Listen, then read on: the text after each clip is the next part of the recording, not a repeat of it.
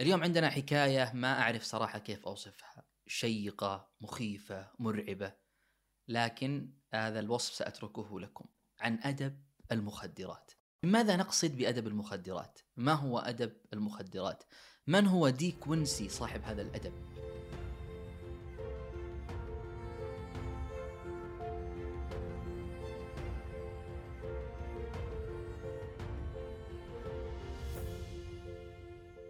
اليوم بنتكلم طبعا عن توماس دي كوينسي وعن هذا الرجل الذي جاء إلى العالم بهذا الأدب أدب المخدرات. من هو توماس دي كوينسي؟ هذا الرجل ولد عام 1785 من أب اشتهر بتجارة الأقمشة وخاصة مع دخول الثورة الصناعية إلى بريطانيا.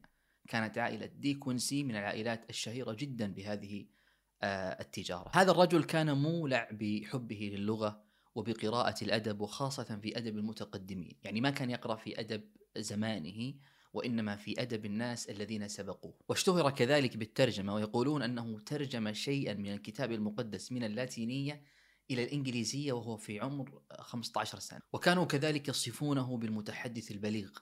وقالوا أنه يستطيع أن يقف ويتحدث باللاتينية أمام جمهور غفير جدا من اللاتينيين ما لا يستطيع أن يتحدث المتحدث الإنجليزي أمام جمهور إنجليزي. وهو في عمر 17 سنة أرغمت والدته إلا أن يدرس في مدرسة القواعد في مانشستر. وكانت طبيعة الدراسة في هذه المدرسة آه، دراسة إعدادية.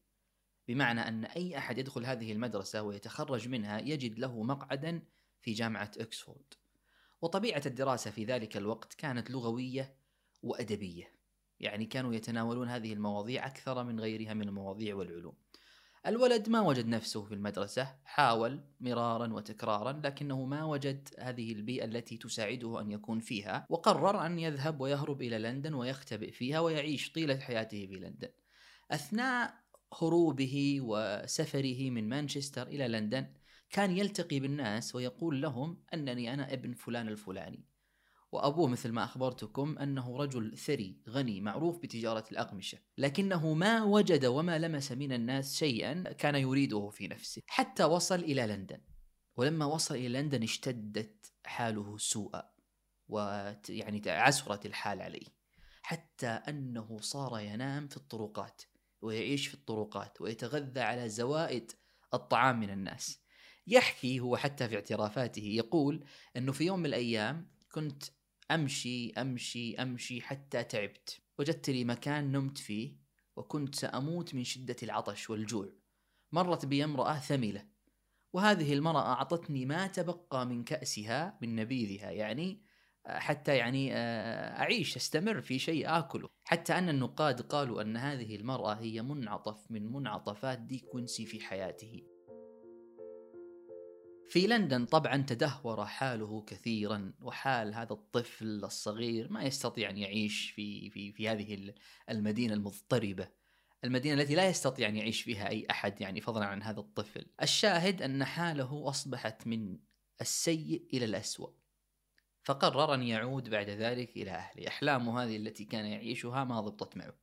فعاد إلى أهله وعاد إلى والدته وهناك يعني صلحت حاله شيئا فشيئا ودخل جامعة إكسفورد. وكانت الجامعة في ذلك الوقت كالمدرسة يشيع فيها علم الأدب وعلم اللغة والعلوم الإنسانية. الشاهد أن هذا الرجل كان ألمعيا ذكيا في أدبه وفي كتابته وفي قراءته لكنه لم يكمل الدراسة. فترك الجامعة وما حصل على شهادة من الجامعة. يشيع طبعا عن أن حياته في الجامعة كانت هي بداية تعاطيه الأفيون. وذهب بعض النقاد إلى قول آخر يقولون أن حياته أصلا تعاطيه الأفيون بدأ مع ألم في الأسنان. فتعاطى شيئا له علاقة بالأفيون حتى يخفف من ألم أسنانه.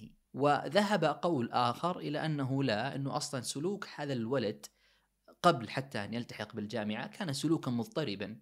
هروبه من المدرسة ذهابه إلى لندن عيشه فترة أربعة أشهر في لندن وكل هذه ملامح إلى يعني سلوك ليس منضبطا. واشتدت علاقة هذا الرجل بتعاطيه الأفيون من الجامعة. يقولون أنه ينام على هذا الأفيون ويستيقظ عليه ويتقهوى عليه ويتغدى عليه حتى أن الأطباء قالوا أنه كيف هذا الرجل استطاع أن يعيش؟ يعني كان يأخذ جرعات شديدة جدا لا يتحملها جسم الإنسان. ومع تعاطيه الأفيون وحبه وتطلعه الأدب ورغبته الشديدة في الكتابة يعني تكاثرت الظباء على خراش فما يدري خراش ما يصيبه. بدأ يكتب في أدب المخدرات. وأقصد بأدب المخدرات في أدبه الذي يلامسه هذا الأدب الذي يعيشه. يعني بدأ يفصح عن نفسه. لذلك كتابه الشهير جدا اعترافات مدمن أفيون إنجليزي هو من أشهر كتبه بل هو الكتاب الوحيد الذي مجد واشتهر كثيرا لدي كوينسي وكان هذا العمل هو أول أعماله. نشره عام 1821 في مجلة لندن. وبعدها بسنة في عام 1822 نشره في شكل كتاب. وفي عام 1856 نشره في كتاب لكنه كتاب منقح. وحتى هذه النسخة انتقدت كثيرا من الأدباء والنقاد يقولون أن الرجل صحصح الظاهر وبدأ يحذف منها شيئا ويصحح شيئا ويعدل شيئا. لأن الذي يريد أن يكشف شخصية ديكونسي لا يقرأ كتابه المنقح هذا الذي نقحه يوم يعني على مقربة من وفاته وإنما تلك المادة التي كتبها فعلا عام 1821 وكاشف وصرح للناس أشياء كثيرة لا يجرؤ أي إنسان يصرح بها. وأكثر ما يشتهر به ديكونسي أنه فتح هذا الباب باب أدب المخدرات لكثير من الأدباء لأنه أتى بشيء لم يسبق إليه أحد من الناس خاصة من, من, من زمانه يعني أن يكاشف الناس بهذا خاصة وأن هذه المواضيع هي من الأمور التي لا تقبلها الثقافة يعني المواضيع الحساسة التي ما زالت إلى اليوم من زمانه إلى زماننا هذا لا تقبلها الثقافة ومن المحظورات الكتابية التي لا يتطرق إليها الكتاب عادة. مع بداية كتابته الاعترافات وخاصة بعد نشرها في مجلة لندن عزم أن يغادر مانشستر ويذهب إلى منطقة الليك ديستريكت في إنجلترا ويلتقي هناك بكاتبه المفضل ووردزورث وكولوريدج الذي كان يدرسهم ويقرأ لهم في جامعة إكسفورد وكذلك في مدرسته الإعدادية وتقرب منهم وأصبح صديقا لهم لكنه كان مضطربا في نفسه فما استمرت العلاقة معهم. وبعد تقريبا خمسة ستة سنوات غادر من الليك ديستريكت وذهب إلى مدينة إدنبرا بدعوة من صديقه ويلسون ليعمل كاتبا في مجلة إدنبرا خاصة بعد نشره لعمله الذي اشتهر كثيرا وهو اعترافاته فبدأ يكتب الرجل في الاقتصاد وفي السياسة وفي التاريخ وفي النقد. هذا الرجل الذي أصلا عرف بكتابته وتعاطيه الأفيون أصبح ينظر ويتفلسف ويكتب. لكنه وجد رواجا كبيرا جدا وقراء وجماهير يقرؤون له هذه الكتابات التي آه، يتداولها الناس بينهم. في تلك الفترة اشتدت شهرته كثيرا وأصبح الناس ينظرون إليه ذلك الكاتب الذي لا يبالي بأحد. يستطيع أن يكتب في كل الأمور ويكون صادقا مخلصا في كتابته خاصة وأنه كاشفهم عن نفسه وعن يعني ما أحد كان يجرؤ من الناس أن يكاشف الناس عما يفعله ديكونسي في زمانه يعني. فأصبح الناس ينظرون إليه أنه إذا كتب في التاريخ إذا كتب في السياسة إذا كتب في الأدب إذا كتب في الاقتصاد أنه كاتب صادق. يناقش المواضيع من زاوية فعلا صادقة. في عام 1854 وقبل وفاته بخمس سنوات تقريبا ما بقى أحد في إنجلترا لم يسمع بهذا الرجل. وانتقلت شهرته من داخل إنجلترا إلى خارج إنجلترا. وأصبح له جمهور مثلا في أمريكا جمهور في أوروبا يقرؤون لدي كوينسي في جميع المواضيع التي يناقشها ويتطرق إليها.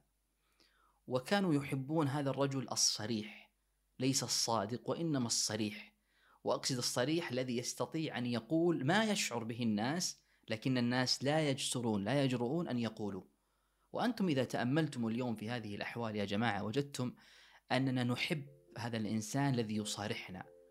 وأكثر ما نحبه إذا صارحنا بشيء نحن نفعله لكننا لا نستطيع أن نصرح به